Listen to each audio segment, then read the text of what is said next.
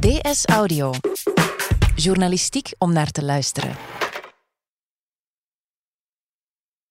Bart, je bent door vele diepe dalen gegaan. We konden en mochten je daar niet vergezellen. Telkens klom je toch weer omhoog.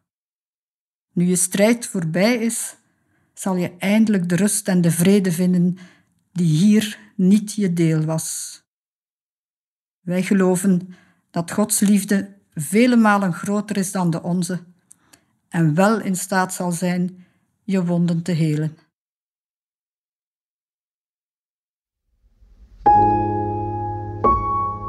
Dit is Kerkewera. Een podcastreeks over de West-Vlaamse informaticus Bart Kastel. 21 jaar geleden stapte Bart uit het leven. Zijn zoon Brecht was toen acht. Ik ben Brecht Kastel en als journalist doe ik onderzoek naar de impact van zelfdoding. Sinds het overlijden van mijn vader in 1999 daalde het aantal zelfdodingen met 20% Maar het blijft een groot probleem in België. Met vijf zelfdodingen per dag. Voor deze podcast dook ik in dagboeken en brieven die mijn ouders naar elkaar schreven. Bovendien sprak ik met vier sleutelfiguren in het verhaal van mijn vader. In vier afleveringen laat Brecht hen aan het woord en krijgt op die manier een beter beeld van wie hij was. De broers van Brecht schreven en speelden de muziek voor deze podcast. In deze aflevering hoor je het verhaal van mijn moeder, Ria.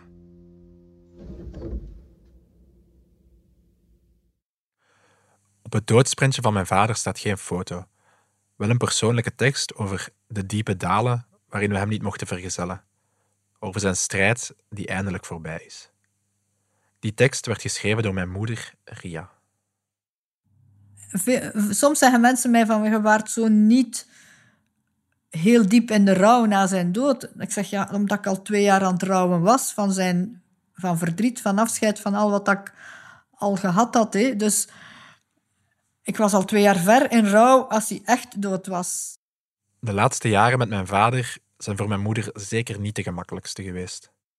Helemaal anders dan in het begin. Toen was alles eigenlijk min of meer rooskleurig. Ik heb Bart voor het eerst gezien in april 1988, toen we op Volksdansweekend vertrokken. Ik ging naar de afspraakplaats in de bedoeling met iemand te kunnen meerijden, want dat moest nog geregeld worden. En, uh, dus hij had een auto en hij had ook nog plaats, dus ik mocht meerijden. En toen begon het al, denk ik. Maar tegen het eind van dat weekend was duidelijk dat we verliefd op elkaar waren. Ik was op hem verliefd en oh joepie, geweldig, hij ook op mij. Op een of andere manier moest ik vroeger weggaan van dat weekend.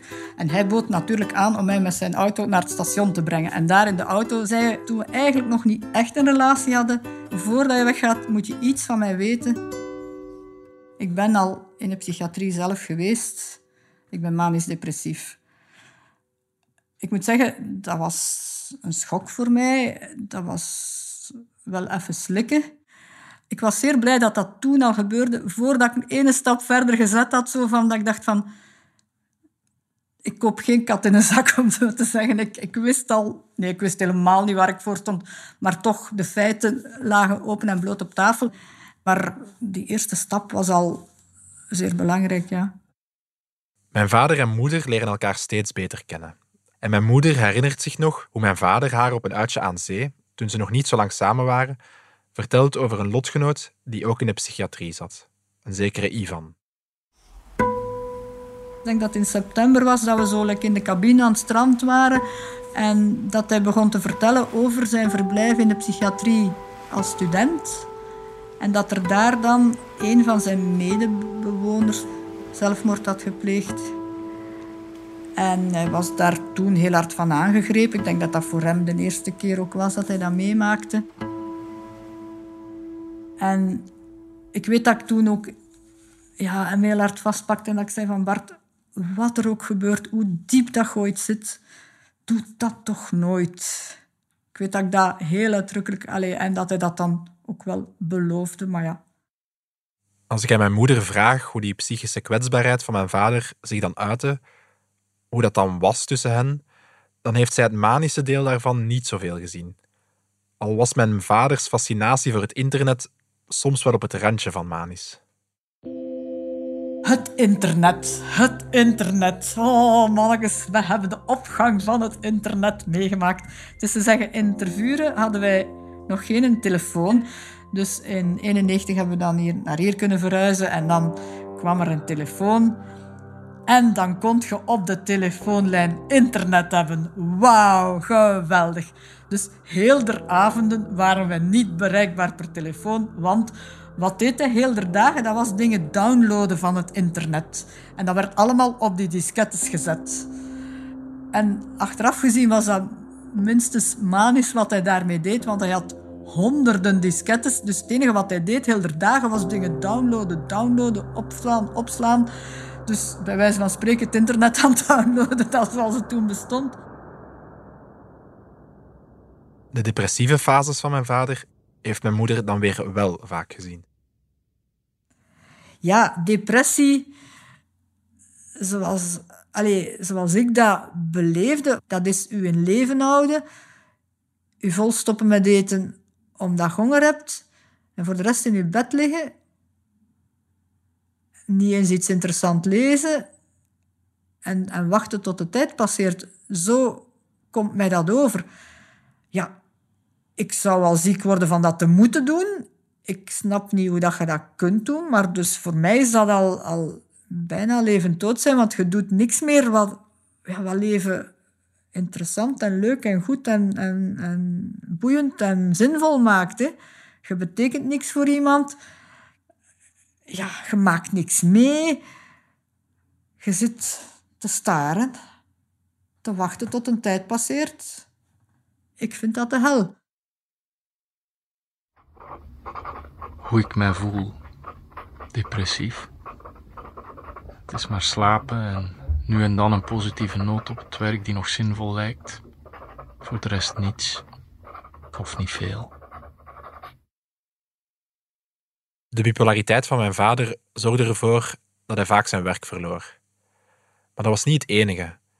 Dat woog ook gewoon op ons gezin. Hij wou wel de stabiliteit van een gezin, hij wou ook echt wel kinderen, maar het was eigenlijk niks voor hem. Achteraf gezien, uh, hij had al meer dan zijn inspanning te leveren om aan het werk te zijn en te blijven. En daarna had hij eigenlijk rust nodig. Ja, en al wat je niet hebt in een gezin met drie kinderen is rust.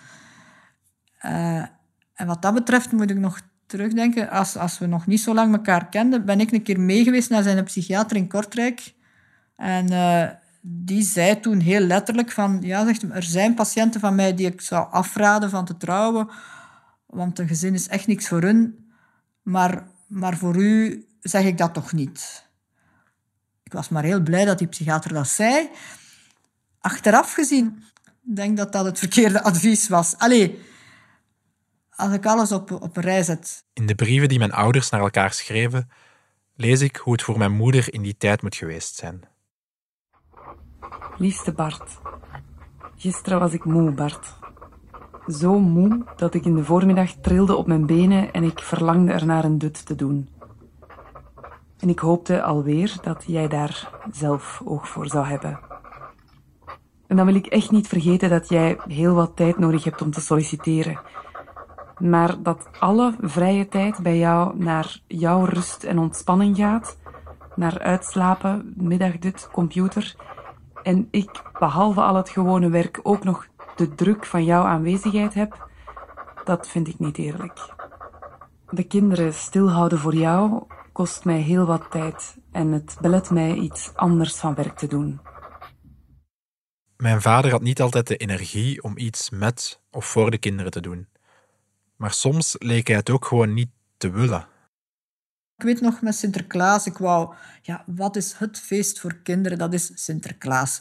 En we hadden het op die moment vaak niet zo breed, maar ik wou er het maximum uithalen en dat moest een feest zijn en die tafel moest overvloedig geladen zijn, zoals ik het thuis vroeger gekend had. En ik weet de avond tevoren, ik had toen zo een lessenaarkenbankje gekocht, dat moest gemonteerd worden.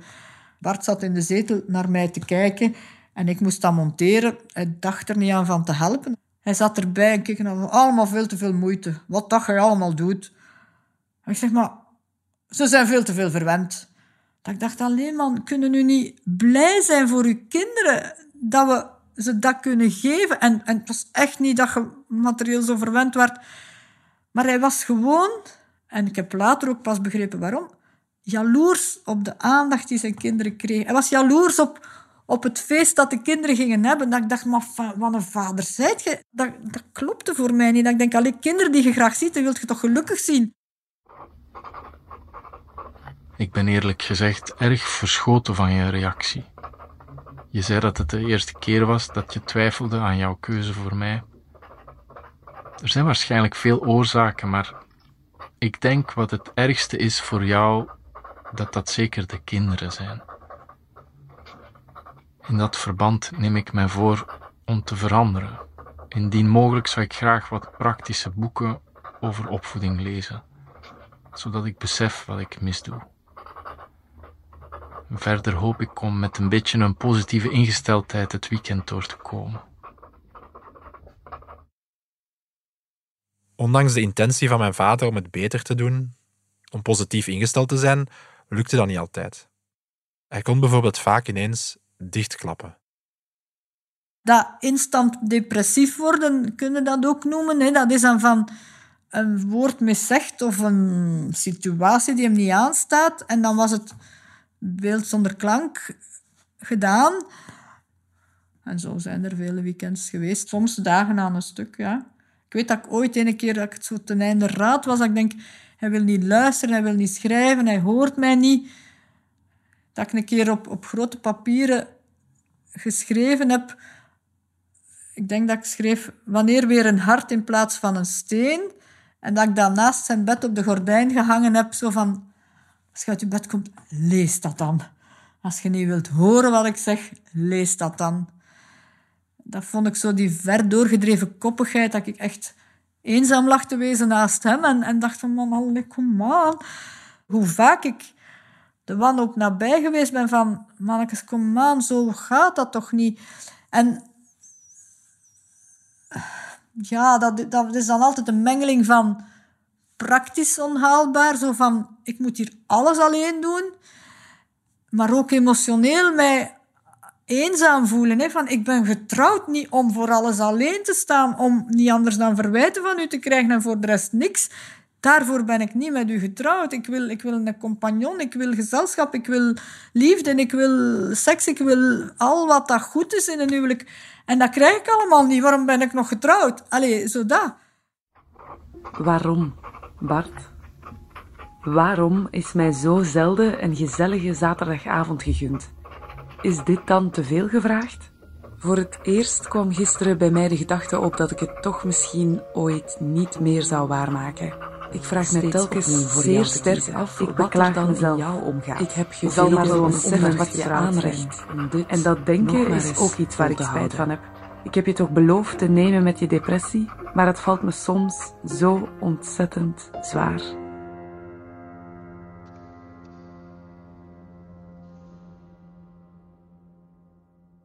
Ik weet wel dat, dat Piet en Dominique ooit zeiden van Maria, hoeveel gaat je grens nog verleggen? Wat je allemaal aanvaardt van hem?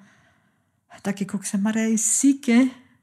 Allee, ik kan er niet aan doen. Ja, en ook voor hun was het die moeilijke vraag van waar stopt het ziek zijn en niet kunnen en waar begint het niet willen en kwaad zijn. Want heel vaak gedragingen van iemand die ja, depressief is, slecht reageert, humeurig is, dat ziet eruit als je wilt niet. Het incident met de papiermand was een keer op een vrijdag, denk ik. Ja, ik werkte dan halftijds, dus ik had dan erop gezorgd dat ik gekuist had de vrijdag. Dat ik dacht, dan ben ik er daar in het weekend vanaf.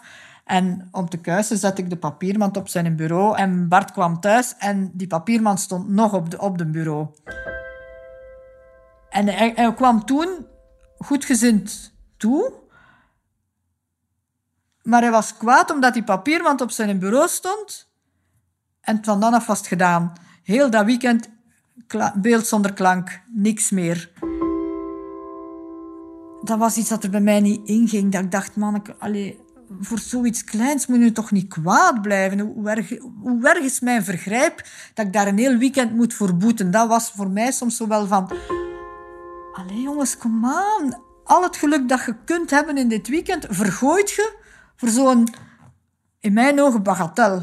Ik vond dan in, zijn, in mijn ogen ook zijn eigen geluk vergooien. Hè? Want alles wat nog had kunnen leuk zijn in dat weekend, was er niet. Hè? Hij speelde niet met u, we gingen nergens.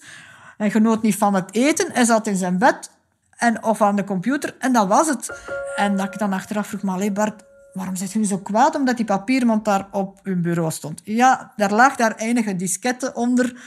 Dus hij was al bang dat die diskette beschadigd was van die papiermand. En op slag werd ik depressief, schreef hij dan later. Achter een banaal incident kon voor mijn vader iets grootschaal gaan. Dit werd voor mijn moeder pas duidelijk in de brieven die ze na zulke ruzies naar elkaar schreven. Zelfs op mijn eigen bureau is er nog geen respect voor mij. En dan was het totaal gedaan. Ik was vies en nukkig en ben het zonder positieve invloed zo gebleven. Bijna niets kon mij uit mijn vies zijn halen. Zelfs niet het spelletje, zelfs niet de software die ik van Davy gekregen had. Niets. Dus heel dat weekend was ik in het ongewisse waarom dat dan nu zo'n groot vergrijp was van die papiermand daar gezet te hebben. En later kon ik er dan een klein beetje in komen dat ik dacht, ja, hij was niet kwaad, hij was depressief. Maar dat hij depressief geworden was, ja, dat zijn dingen die je als gezonde mens je niet kunt voorstellen. Allee, Bart zei wel vaker van, hoop dat je nooit depressief bent, want het is de hel. Dus ja, dat was ook zijn keuze niet. Hè. Uh, in dat opzicht is alle begrip nodig. En, en Bart heeft zelf ook ooit gezegd van... Ik zou beter een goede kanker gehad hebben. Hè. Dan had iedereen medelijden met mij. Dan kregen we alle hulp die er was. Dan zou niemand iemand beschuldigen. Maar nu heb ik een ziekte waar ik van beschuldigd word. Door buitenstaanders. Door mij soms ook wel. En dat is, denk ik, een van de zeer moeilijke dingen met psychiatrisch ziek, psychisch ziek zijn. Dat is dat het er vaak uitziet als onwil.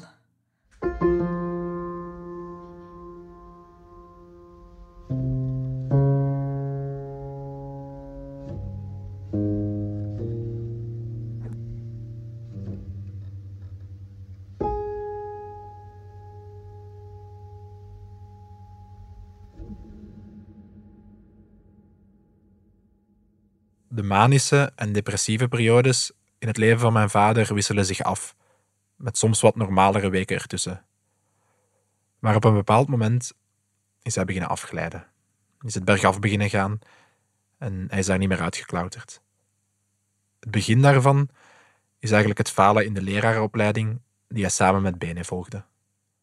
Er was een slag in zijn gezicht dat hij niet geslaagd was. Um, hij was die zaterdag laat thuisgekomen, denk ik. Maar details wist ik niet. Hij was kwaad, duidelijk. En ik verstond hem ook wel. Dat was een serieuze inspanning. Twee jaar weekendonderwijs. Allee, bovenop van alles. En dan zo zeggen van eigenlijk het tot niets gediend. En de zondagmorgen, die Pinksteren 97, ik weet het zeer goed, komt de politie aan de deur.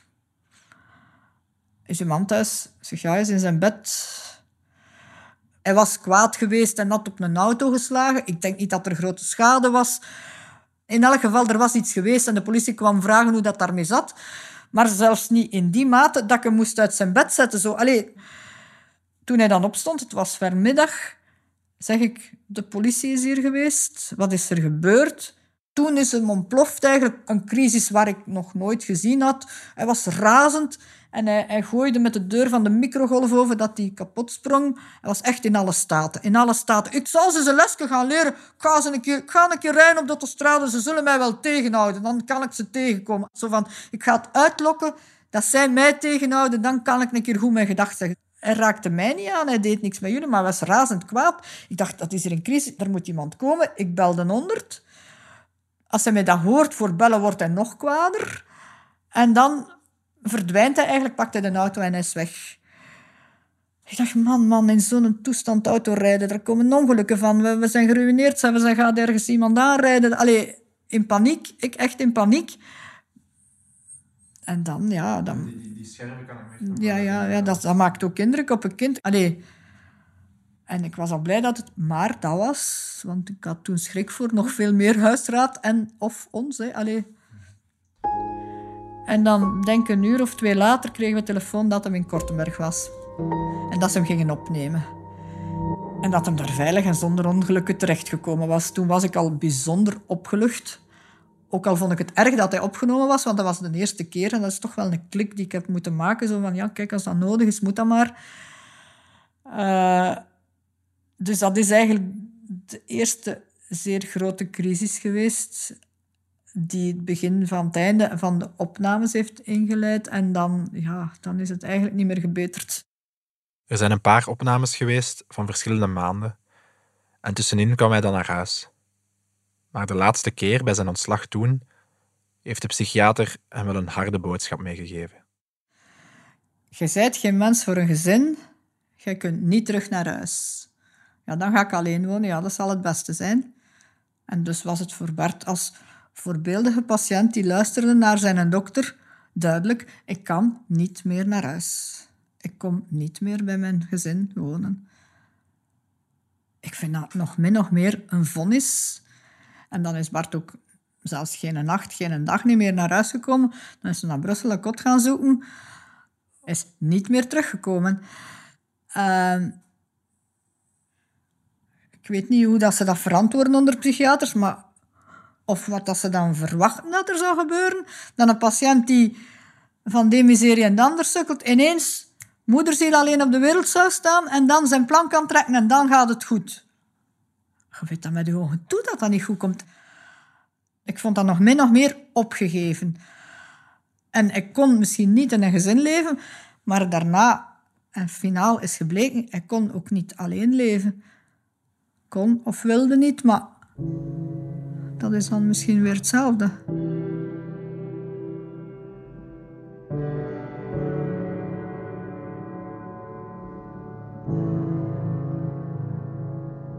Toen mijn vader alleen ging wonen, hadden mijn ouders wel nog contact met elkaar.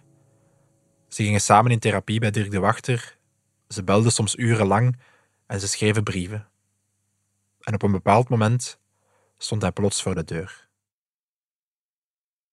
Als wij nog eens ergens afspraken, was het buitenshuis. Um, ik wist niet waar hij woonde. Hij had een postbus.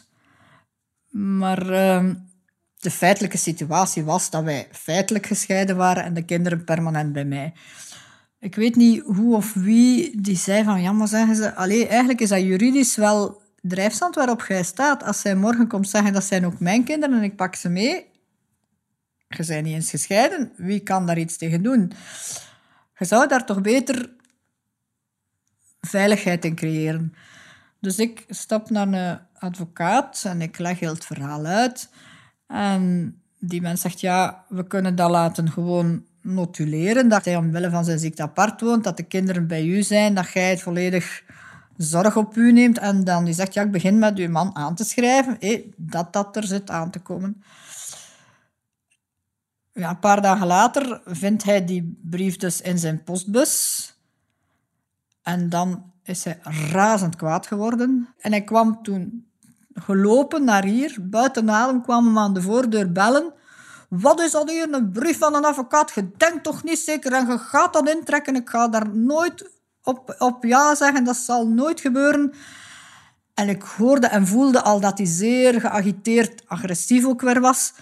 Ik was bang en ik liep eigenlijk, terwijl het aan de voordeur nog stond, naar buiten om bij de buren steun te gaan zoeken. Omdat ik dacht van, dit loopt hier uit de hand, hij is razend kwaad. Maar hij, trok mij, sleurde mij weer binnen, hij sloot de deur. Hij trok de, de stekker van de telefoon uit de muur dat ik niet kon bellen. Hij deed de achterdeur op slot, hij deed alle rolluiken toe.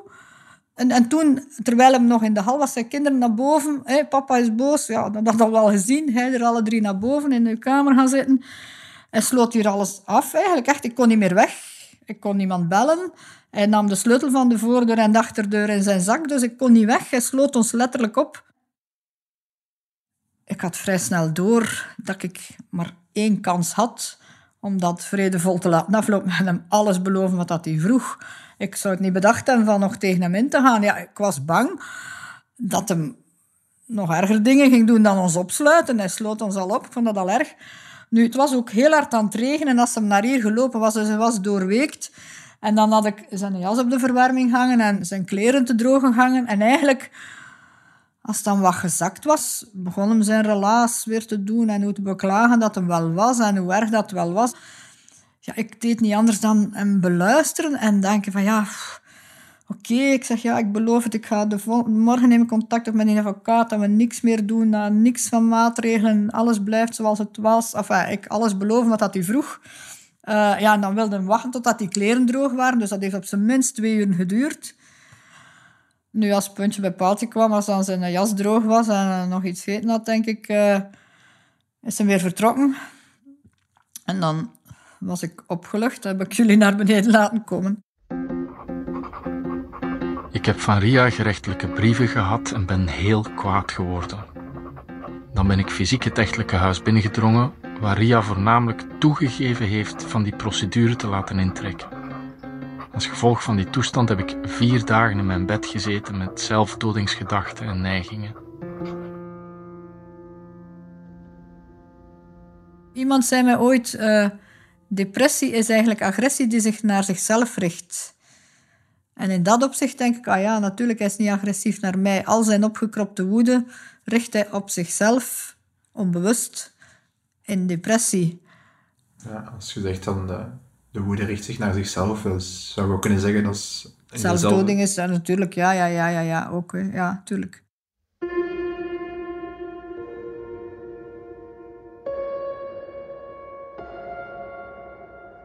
Dat was een zeer warme zaterdagavond. En het was hier van de parochie, zo parochiefeest. Ik daar naartoe, die 5 juni. En dat was een zwoele, warme zomeravond, zeker. Hey, uitgebreide diner, alles erop en eraan, hapjes wijn, enfin. Ik kom daarvan thuis rond, ik denk half twaalf of zo, en de telefoon gaat. En dat was Ivo. Ria, Bart is niet meer onder ons. Ik zeg, Ivo, Denkt je dat of weet je dat? Ik heb hem gevonden. Ja, van dan begon hij zijn verhaal te doen. En dat hij zich schuldig voelde dat hij daar niet eerder naartoe geweest was, want dat het niet goed met hem ging. Enfin ja, zoiets. Ik denk niet dat ik gestort ben. Nee, dat pijs ik eigenlijk niet. Weet je, ik denk vaak, zo mensen die die nog niks hebben meegemaakt en dan met een zelfdoding geconfronteerd, dat is nog honderd keren erger. Wij hadden al zo'n lange geschiedenis van ellende, dat ik zo het idee had van, kan er nog wel bij? Zo, allee, weet ja, het was ook voor mij een aangekondigde dood een. Na zoveel keren dreigen, allee, heel ver af van het verhaal van Ivan in, in de cabine, van doe dat toch nooit. Tien jaar later. En dus in die zin is dat, vind ik, een afscheid in stapjes geweest, een, een sterven in stapjes. Sterven van uw dromen, sterven van uw relatie, sterven van uw contact, sterven van... In stapjes. En dat laatste sterven was natuurlijk het het definitieve van al dat ander, was er misschien nog een terugkeer mogelijk. Ik weet nog dat ik s ochtends naar beneden kwam en dat leek alsof er een familiefeest bezig was bij ons thuis. Zo leek dat voor mij als kind. Mijn tante Pia was daar, tante Dominique, onkel Piet, en ik begreep dat allemaal niet zo goed. Later heb ik dan begrepen dat zij daar eigenlijk waren om mijn moeder te steunen als zij die moeilijke boodschap aan ons overbracht. Het was eerder een gevoel van opluchting, van nu is het voor de kinderen duidelijk. Toen hadden ze ook geen vader, maar hij was er wel nog. En nu, een papa die dood is, die is definitief er niet meer voor u. Dat is duidelijk. Er komt niks meer, er kan niks meer komen. Terwijl een papa die toch nooit iets doet, evenveel als een dode, maar er nog is, wat, wat gevoel geeft dat aan een kind? Van ze willen mij niet. En dood is ook niet echt verstaanbaar voor een kind, maar is wel duidelijk. Ik was acht en ik weet eigenlijk niet of ik toen begreep dat mijn vader zelf uit het leven was gestapt. Anderzijds heb ik dat precies altijd al geweten. Ik denk dat dat langzaamaan doorgecijpeld is tijdens mijn kinderjaren en mijn puberteit. Dat ik dat steeds verder heb ingevuld of zo. Ik denk dat jij misschien zelfs een dag zal zeggen, maar mama, die ziekte die papa had, daar ging je toch niet van dood? En ik weet dat ik daar toen omvloerst zeker wel van gezegd heb van ja, we weten ook niet hoe dat hij is doodgegaan. We waren er niet bij. Ze hebben hem gevonden als hij al dood was. Zoiets. Ik begreep het toen als kind niet helemaal en ook als volwassene blijkt er geen eenduidig antwoord. Tijdens het maken van deze podcast heb ik vooral beseft: zelfdoding is zelden of nooit een weloverwogen keuze. Het heeft te maken met complexe psychologische processen die elkaar versterken. Processen die te maken hebben met je biologische basis, zoals er Pa Castel, de vader van mijn vader, die ook worstelde met bipolariteit, en processen die volgen uit grote en kleine levensgebeurtenissen. Zo herinnert mijn moeder zich bijvoorbeeld iets dat Pa Castel ooit vertelde. Pa begon te vertellen over de, de prille kindertijd van, van Bart. En ma wou een cent bijverdienen en ze wilde daarvoor naaien. En Bart was dan al als klein kind. Maar ze kon eigenlijk niet naaien als dat klein kind rond haar was. En ze zei van ja, hij moet in zijn park boven. Hè. Uh, dan kan ik rustig naaien. Maar Bart was een energiekind en die uh, schudde zo met zijn park, zodat dat park eigenlijk verschoof in de kamer. Dus hij, reed ermee de kamer rond, bij wijze van spreken. En pa zei, ja, ik moest dat, park dan maar aan de muur vastvijzen, dat dat niet meer kon. En uh, hij zat daar heel de dagen boven en ja, ze verzorgden hem als een ding. Hoor ik pa nog zeggen. Ik dacht, hoe kunnen nu een baby verzorgen als een ding? Ik verstond dat niet. Maar anderzijds viel voor mij toen de puzzel in elkaar. En toen ik dat verhaal over zijn kindertijd hoorde, dacht ik, ah ja, maar natuurlijk, nu versta ik het. Jij bent als baby tekort gedaan. Je hebt niet de liefde, de zorg, de aandacht gehad dat een baby nodig heeft voor het basisvertrouwen. Dat heb jij gemist. En toen verstond ik zoveel van zijn gedragingen, dat ik dacht, maar natuurlijk. Ik had heel vaak, als ik Bart bezig zag, gedacht van, maar... Allee, jij bent precies een, een verwaarloosd kind. In de zin van, jij ziet eigenlijk jezelf niet graag. Ik vond dat een, een cruciaal iets. Zo van, hij zag, vond ik, anderen niet graag genoeg, maar hij zag vooral zijn eigen niet graag. Hij vond zichzelf niet waard, dat zei hij soms in het begin van onze les, niet waard om bemind te worden. En hij had ook vaak het gevoel, dat was ook iets totaal vreemd voor mij, hij dacht altijd dat mensen zich hem wouden bedriegen. Zo altijd wantrouwig. Dat zijn zo aspecten van een kind dat, eigenlijk moet vechten voor zijn deel, zodat kort gedaan geweest is. Dat jaloers zijn op jullie kaderde daar ook in. Hè. Hij bleef zitten met het gevoel van tekort gedaan te zijn, omdat hij iets moest geven wat hij zelf niet gekregen had. Zonder het misschien te beseffen of kwaad te bedoelen, kan in die eerste cruciale levensjaren al een bepalend proces in gang worden gezet. Tezamen met mijn vaders bipolariteit, die druk van het gezinsleven, zijn werkloze periodes, de mislukte lerarenopleiding enzovoort, kan dit voor mijn vader geleid hebben tot een negatief zelfbeeld. Een beeld waar hij finaal niet meer mee kon leven.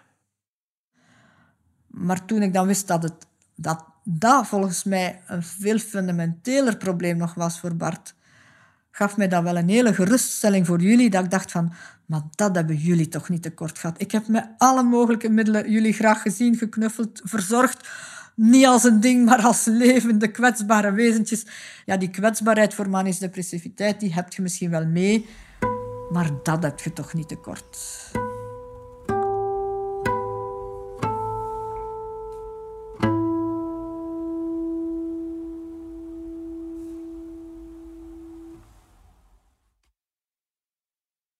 Mijn moeder was natuurlijk een van de eerste personen die ik heb gevraagd of ik überhaupt aan de slag mocht gaan met dit verhaal.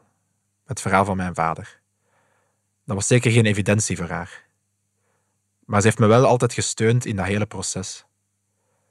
Maar het moeilijke voor haar was misschien dat ze zelf terug in die periode, die moeilijke periode moest stuiken.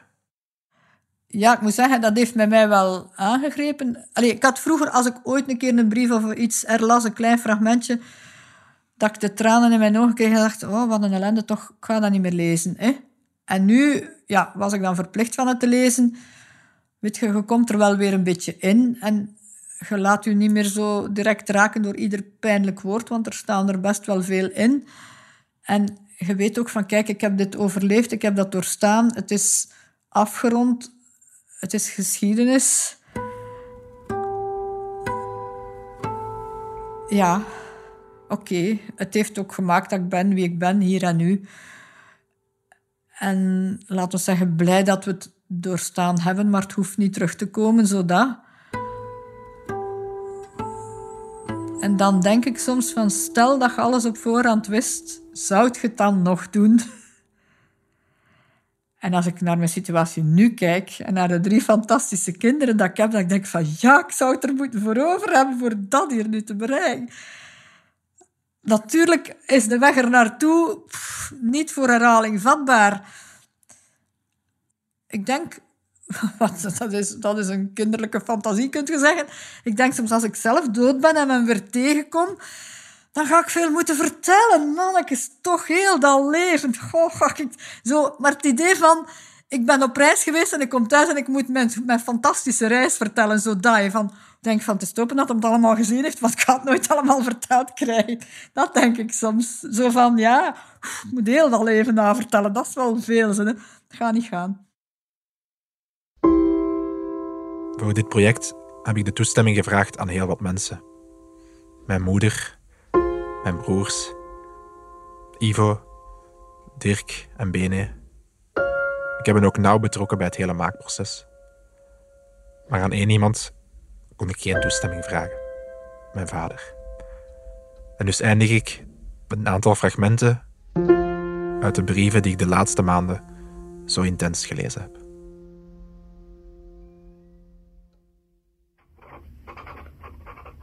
Ria, je zult voor mij de rest van mijn leven de enige ware vrouw blijven. Ik zoek niet naar iemand anders. Ik weet dat ik het grote lot zelf getrokken heb en verloren. Het allerbeste voor mijzelf heb ik gehad. Mijn beloftes aan het altaar zullen ongeveer intact blijven. Het is alsof jij en je kinderen voor mij niet meer bestaan. Ik ben ook niet gemaakt om als papa in een gezin te leven. Ik kan het niet aan. Hoewel ik zes jaar pogingen gedaan heb. Ik hoop dat jij en de drie mannen het redden. Bart.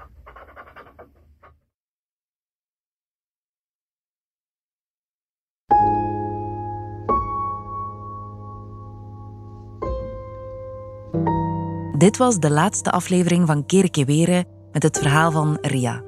Wie met vragen zit rond zelfdoding, kan terecht bij de zelfmoordlijn op het gratis nummer 1813 en op de site zelfmoord1813.be. Voor algemene vragen over onze podcasts kan je terecht op dsaudio.standaard.be. Deze podcast werd gecreëerd door Brecht Kastel, met steun van Fons Pascal de Kroos en met dank aan Wouter van Driessen. Story production gebeurde door Annelies van der Roost en eindredactie deed ik, Nele Eekhout. De muziek werd gecreëerd door de broers van Brecht, Stijn en Dieter Kastel, in samenwerking met Brecht Plasgaard. De brieven en dagboekfragmenten werden ingesproken door Valentijn Danes en Siona Houthuis. Opnames gebeurden door Miguel de Oliveira e Silva, Findille, Joris van Damme en Brecht Plasgaard. Audioproductie gebeurde door Brecht Plasgaard. Alle credits vind je via www.standaard.be-ds audio.